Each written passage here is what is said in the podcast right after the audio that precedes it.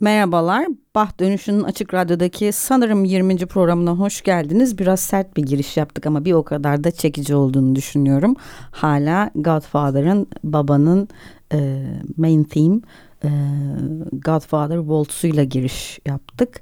Birazcık e, sizi bugünkü programa hazırlamak açısından. Ben Ayşe Görür bu arada. Her program böyle giriyorum ama sıkıcı mı oldu? Ya da yeni dinleyicilerimiz varsa diye. Baht dönüşünü hem Açık Radyo web sitesinden hem de programın kendi Twitter ve Instagram hesaplarından @baht alt çizgi dönüşü takip edebilirsiniz. Kaçırdığınız programları da yine Spotify ve Açık Radyo podcast programlarından dinleme imkanına sahipsiniz. Dediğim gibi bilerek Godfather'ın main theme'den Godfather Waltz'la giriş yaptık. Programın sonuna doğru niye öyle olduğunu da anlatacağım. Bu hafta biraz akışı bozarak ama aslında bah dönüşünü toparlamaya yönelik bir program hazırlamaya çalıştım. Salinger'dan muz balığı için mükemmel bir günü inceledikten sonra e, kafamda daha önce planımda özel bir program yapmayı düşünmediğim bir anti kahraman İngilizcesiyle anti hero başlık olarak belirdi. Bah dönüşünün çağlar içindeki farklı gelişimini ilk programlarda konuşmuştuk. Şimdi o kısımları özetleyerek anti kahramanın tarihsel gelişim sürecine bir göz atalım. Daha sonra nasıl bağlayacağımızı da özetleyeceğim yine. O zaman kadersel nitelikteki trajik hata ile başlayalım programa. Antik Yunan tragedyalarında hamersia, İngilizcesiyle fatal mistake ya da tragic flaw, trajik bir hata ya da kusur sebebiyle kahramanın bulunduğu yüksek ve soylu mertebeden düşüşü, tabiri yerinde ise irtifa kaybetmesi anlatılır. Kahraman yaptığı bir kötülükten ziyade çoğu zaman aşırı kibir, gurur ya da özgüven de olabilir bir tür hebris sebebiyle ve buna kader ve tanrıların iradesinin de eklenmesiyle ve nihayetinde kader çarkının hareket etmesiyle düşüş yaşar. Örneğin Ödipus'un bilge kral olmakla yetinmeyip biraz haddini aşarak kaderini değiştirmeye çalışması tanrılara kafa tutması gibi. Kendini beğenmişlik ve bazen de haddini bilmezlik tragedya kahramanını yıkıma götüren ölçüsüzlüğün nedeni çoğu zaman ancak illa olması da gerekmiyor. Ee, insan yaşama zorunluluk ile bağlı. Aynı zamanda mitolojide bir tanrıçanın adı olan Ananke, kısaca zorunluluk yasası diyelim. Bununla açıklamaya çalışırsak eğer yani antik Yunan'da Ananke kozmostaki fiziksel, metafizik, toplumsal ya da ilişkisel bağları ya da sınırları olanaklı kılan amansız bir güç. Dolayısıyla Ananke kavramında baktığımız zaman bu kozmik kural dahilinde tragedya kahramanları Tanrı Kral ya da Bilgi Ödipus da olsa en nihayetinde doğaya ve kaderin belirsizliğine tabi. Aristo ise trajik hatayı şöyle tanımlıyor. Tragedyanın konusu olan kişi ne erdem ve adalet bakımından öteki insanlardan üstündür ne de kötülüğü ya da acımasızlığı yüzünden mutsuzluğa düşmüştür. Ama bir yanılgı nedeniyle mutsuzluğa yuvarlanmış kişidir. Söz gelişi yine Ödipus ve benzerleri. Aristo insan kendi düşüşünün kökenini görene kadar kahraman olamaz diyor poetikada.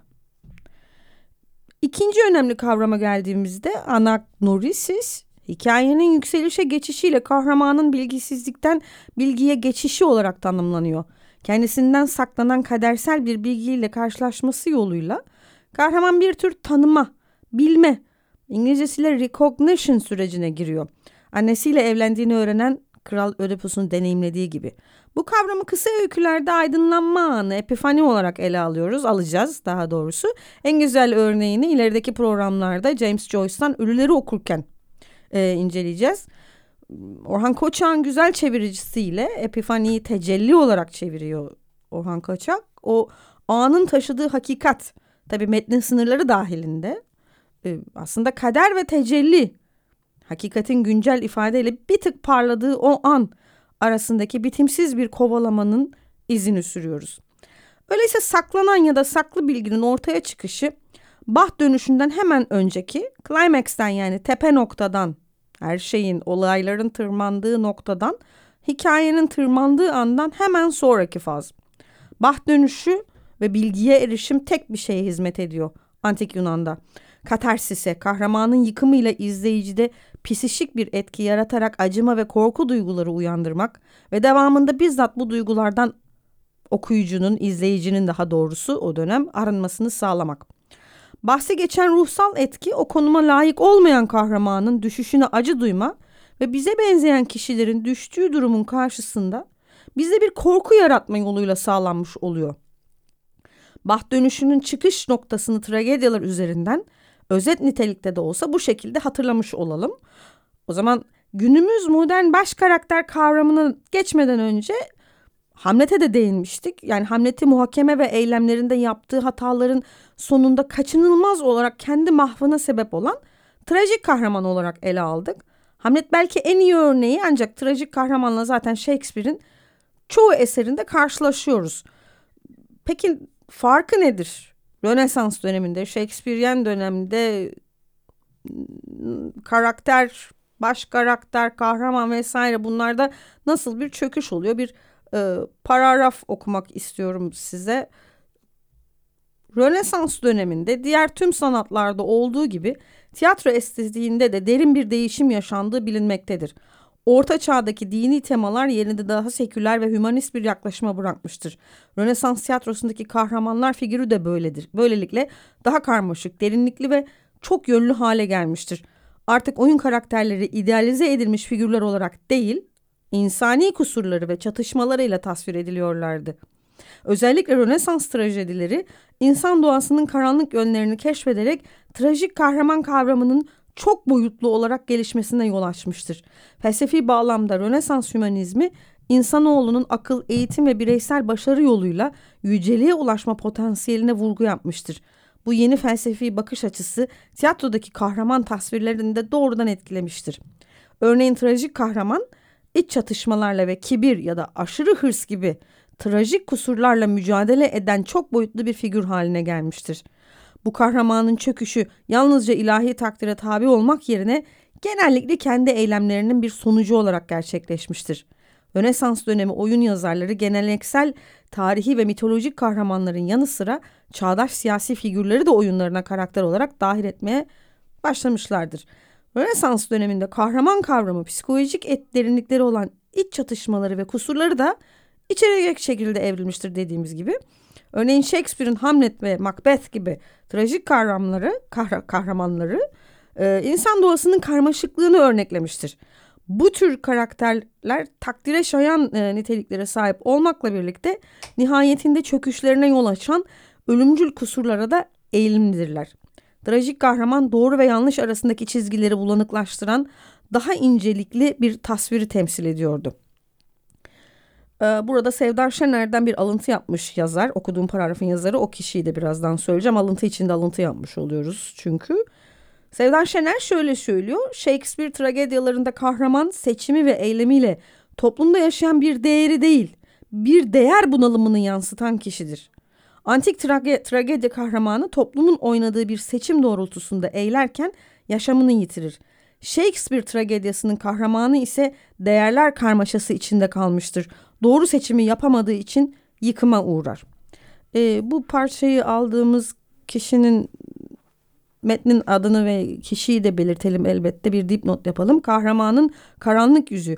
Anti kahraman tiyatroda karakterin evrimi e, Sayın Yunus Emre Gümüş tarafından ele alınmış. internette bulabilirsiniz. Şimdi günümüz modern baş karakterine gelirsek Hamlet'e de e, geçip Hamlet'e değindikten sonra yani Bach dönüşünün yani Peripetia'nın dramatik bir türdeki işlevselliğinden modern zamanlarda özellikle kısa öyküde bir anlayış ve bir kavram ve hatta bir teknik olarak kullanımına doğru hızlı bir geçiş yaptık. Dolayısıyla artık soylu kahramanın kadersel hatası sebebiyle deneyimlediği düşüşe ve yazarın seyircide uyandırmaya çalıştığı korku ve acıma duyguları vesilesiyle arınmaya yani katarsise değil de tanrıların yerini alan sistem, düzen, toplumsal toplumsal çatışmalar içinde eriyip giden karakterin yani sıradan insanın modern edebiyata girişi ve bah dönüşünün onun edebiyata girişiyle artık ne ifade ettiğine bakmaya başladık. Bu geçiş içinde isterseniz kısa da olsa nasıl bir köprü kurduğumuzu hatırlayalım. Raymond Williams'dan bahsetmiştik. Modern Tragedi adlı eserinde genel bir formül öneriyor kendisi.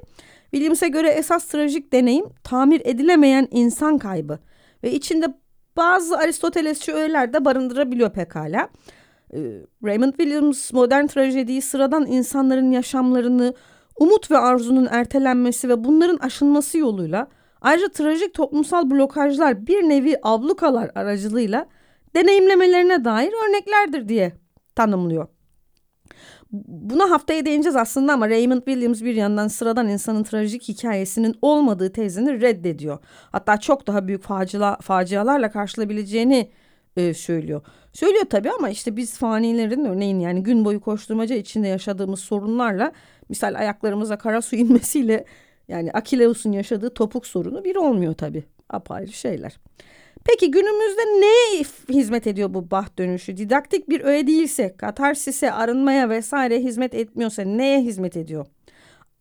Tanrıların iradesinin ve kadersel hatanın yerini toplumsal çelişki ve çatışmaların aldığı bir çağda büyük yıkımın yerine ucu açık sonların, tekinsizliğin, belirsizliğin aldığı bir çağda neye yarıyor, ne işe yarıyor baht dönüşü?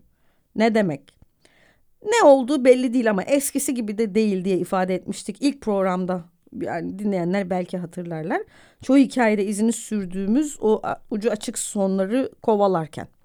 Haliyle bizler de artık büyük yıkımlardansa nostalji ya da melankoli hatta kişisel yok oluşun pençesinde çırpınan bireyin mini destanını dinliyoruz artık. Üstelik onun adı artık kahraman değil, karakter ve dahası soylu da değil. Üstüne üstlük bir düşüşte yaşamamış olabilir ve hatta hayata eksiden de başlamış olabilir.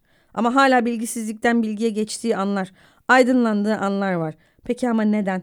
Peripeteya, bah dönüşü, modern çağda turning point, U, dönüşü, U-turn.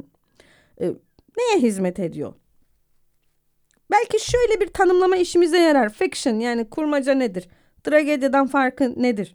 İsim olarak trajedi ve kurgu arasındaki fark trajedinin ana karakterin mahvolduğu veya başka bir şekilde bazı trajik kusurların veya karakter zayıflığının yani aşırı sonuçlarına maruz kaldığı bir drama olması, kurgunun ise gerçeklerden çok ya da didaktik ve öğretici olmaktan öte icat edilmiş, yaratıcı edebi türe dahil olması. Tragedyanın ödevi uyandırdığı acıma ve korku duygularıyla ruhu tutkulardan temizlemek. Oysa çağdaş edebiyatta iyi eser iyi eserdir illa bir misyon taşımaz. 20. yüzyıla geldiğimizde postmodern dünyada yaşayan modern karakterlerin de yine uğraşması gereken çatışma önceden belirlenmiş kaderleri değil, daha çok tüketim dünyasının çelişkileri değer, değerleri arasında yaşadığı kafa karışıklığı. Dolayısıyla trajedi kendisine karşı eylemde bulunan insandan bu postmodern modern sonrası dünyada kapana kısılmış. Modern insanın bir gösterisine evrilir insan tanrılarla olan ilişkisini ve evrendeki yerini toplumla olan ilişkisine bırakıyor. Tüketim toplumuyla olan çatışmasına bırakıyor. İnsanın çekmek zorunda olduğu çile kaderin veya gözden düşmenin değil, toplumsal eşitsizliklerin ve zalim zorbaların feci yönetiminin sebep olduğu ıstırap ve adaletsizlikler artık diyor Raymond Williams. Ben buna bir ekleme yapmak gerekirse ola ki bunlara da maruz kalmıyorsa böyle şanslı biri ise büyük bir yalnızlık ve geçmişe özlemi de ekleyebiliriz. Kahramanın toplumca, pardon topluca ve alenen yasının tutulduğu klasik trajedinin aksine karakter modern hayatta tanınmadan ve töreni yapılmadan ölüme gidiyor. Modern trajik kahraman soyluların sahip olduğu özelliklere çoğu zaman sahip değil. Modern trajedinin özü karakterin dönüşümünde yatıyor. Biz baht dönüşünde bu dönüşümü bir tür büyüme süreci öyle, olarak ele aldık. Programın başında dediğim gibi şimdiye kadar ele aldığımız öyküleri baht dönüşü ve ona bağlı bir tür büyüme biçimi olarak nasıl ele alacağımızı belirlemeden önce kısa bir özet bir tekrar yapmamız gerekiyordu. Onu yapmış olduk. Buna ek olarak da kahramana ne oldu? Peki onu bir ele almak şarttı. Şimdi bu çerçevede anti kahraman İngilizcesiyle anti hero nedir, kimdir onu ele almaya başlayabiliriz. Kavramın ilk kez yer altından notlarda Dostoyevski'nin romanında geçtiğini söylersek epey bir yol almış oluruz kanımca. Ne şekilde ele alındı da belki haftaya bakacak vaktimiz olabilir. Edebiyat ve sinema başta olmak üzere günümüz kültüründe ve popüler kültüründe idealleri, amaçları ve kişiliği alışa geldik kahramanlardan farklı olan baş karakterleri tanımlamada kullanılıyor. Çok özetle olumsuz nitelikleri olan baş karakter şeklinde de tarif edilebilir. Kötü adamdan yani İngilizcesiyle villain'dan farklı. Anti kahraman gaddarlık, acımasızlık, alaycılık, bencillik, bağnazlık, kötümserlik ve toplum değerlerini küçümseme gibi kötü olarak tanımlanan, adlandırılan karakterlerin vasıf ve özelliklerini barındırırken klasik bir kahramanın dürtüleriyle de hareket edebiliyor aslında. Yakıp yıktığı ya da zarar verdiği insan ya da doğa değil. İnsani değerlerin, insanın ürettiği değerlerin kendisi. Filmlerden de yakından tanıdığınız örnekleri var. Taxi Driver, Leon, Big Lebowski ama oradaki dude, e, Michael Corleone, Al Pacino yani babadaki ama yine Al Pacino yani Tony Montana, Scarface'deki ve yani aklıma gelenleri sıralıyorum öyle. Büyümeyi toptan reddeden pek sevdiğimiz Blanche. Arzu Tramvay'daki konuşmasını hatırlayalım Blanche'ın. Hayatın acı gerçeklerinden sürekli kaçmaya çalışan, onu da şu, şu sözleriyle vurgulayan bir karakterimiz. I don't want realism, I want magic. Yes, yes, magic. I try to give that to people. I misrepresent things to them. I don't tell the truth. I tell what ought to be the truth. And it's that sinful. Then let me be damned for it. Ne diyor? Ben kısaca çevirmeye çalıştım. İstediğim şey gerçeklik değil, sihir istiyorum ben. Evet, evet sihirli bir şey.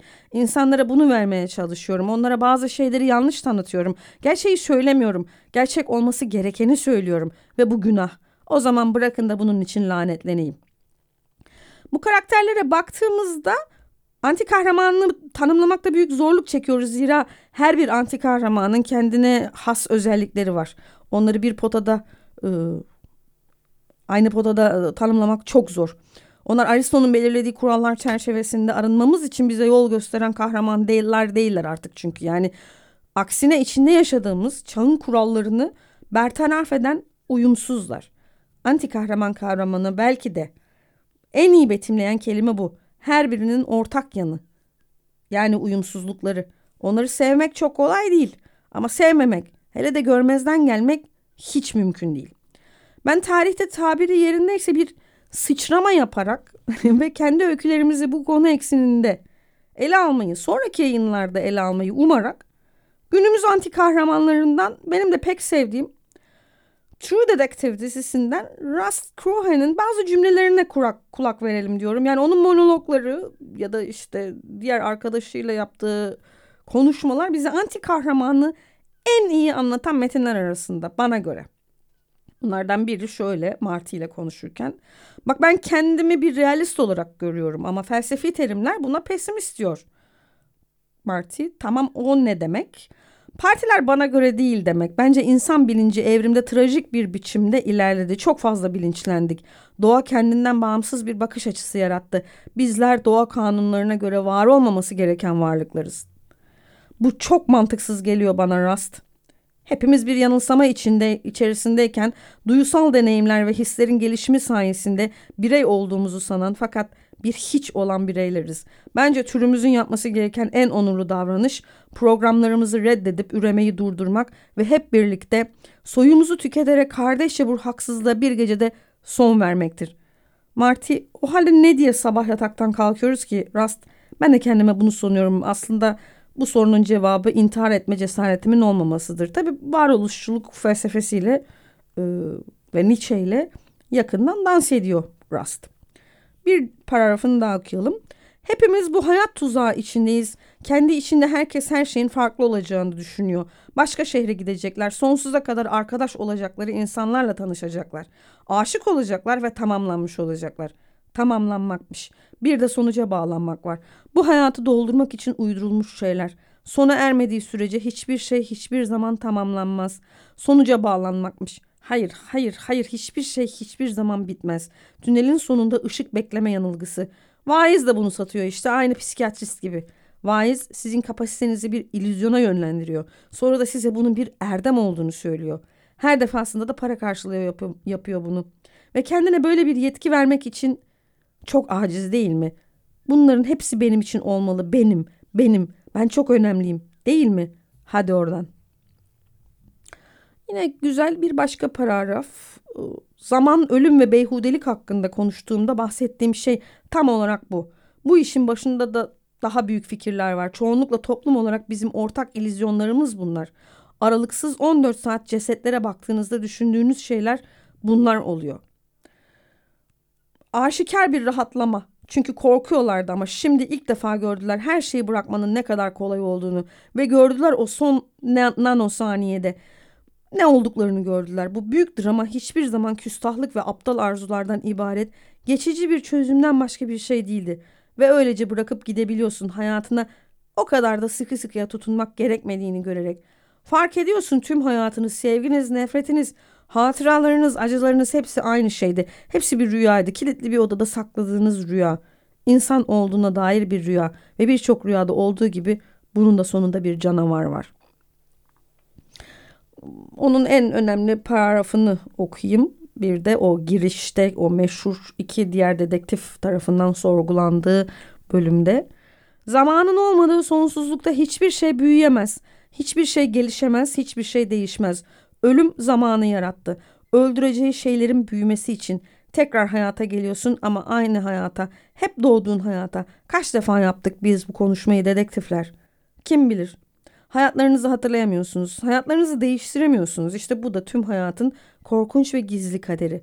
Kapana kısılmışsınızdır. Her uyandığınızda kendinizi içinde bulduğunuz kabus tarafından.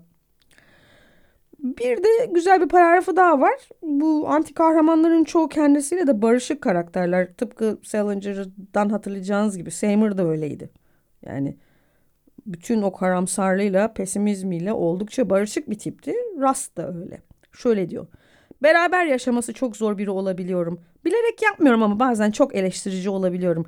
Bazen insanların bensiz daha mutlu olacağını düşünüyorum. Etraflarında olmamın onlar için pek iyi olmadığını da. Ee, programın sonuna yakın bir de tatlı bir cümlesi var. Ben kaçırmışım hatırlamıyorum Rust Cohen'in. Onu da söyleyelim ee, ve sonra kapanış yapalım. Sana şunu diyeyim Marty. Ne zamandır her gece yukarıdaki odanın camından dışarı bakıyor ve düşünüyorum. Sadece bir hikaye var. En eskisi. Işık karanlığa karşı. Alaska'da değiliz biliyorum ama benim gördüğüm kadarıyla kana, karanlığın sınırları çok daha fazla diye kar karşılık veriyor Marty. Evet haklısın bu konuda ama yanlış bakıyorsun bu gökyüzü olayına. Marty de niyeymiş o diyor ve Rust ondan beklenmeyecek derecede güzel bir cevap veriyor. Başlarda sadece karanlık vardı ama bana sorarsan ışık kazanıyor. Programa Baba 1, 2 ve 3 ana teması Godfather Waltz ile başlamıştık. Mar Michael Corleone'nin anti kahraman mı yoksa kötü adam karakteri mi olduğuna karar vermek çok güç. Belki de o sebeple çok başarılı. İyi bir karakterken ahlaki değerlerinin pek çoğunu kaybedişi onu bir tür anti kahraman olmaya doğru sürüklerken yer yer kötü adam olmayı seçtiği anlarda var elbette. Ee, benim de çok beğendiğim bir karakter. Ee, o zaman yine Godfather'dan bir parçayla programı sonlandırmakta e, bir mahsur yok. Programa Love Name'le son verelim. İki hafta sonra görüşmek üzere. Bahtınız ve radyonuz açık olsun.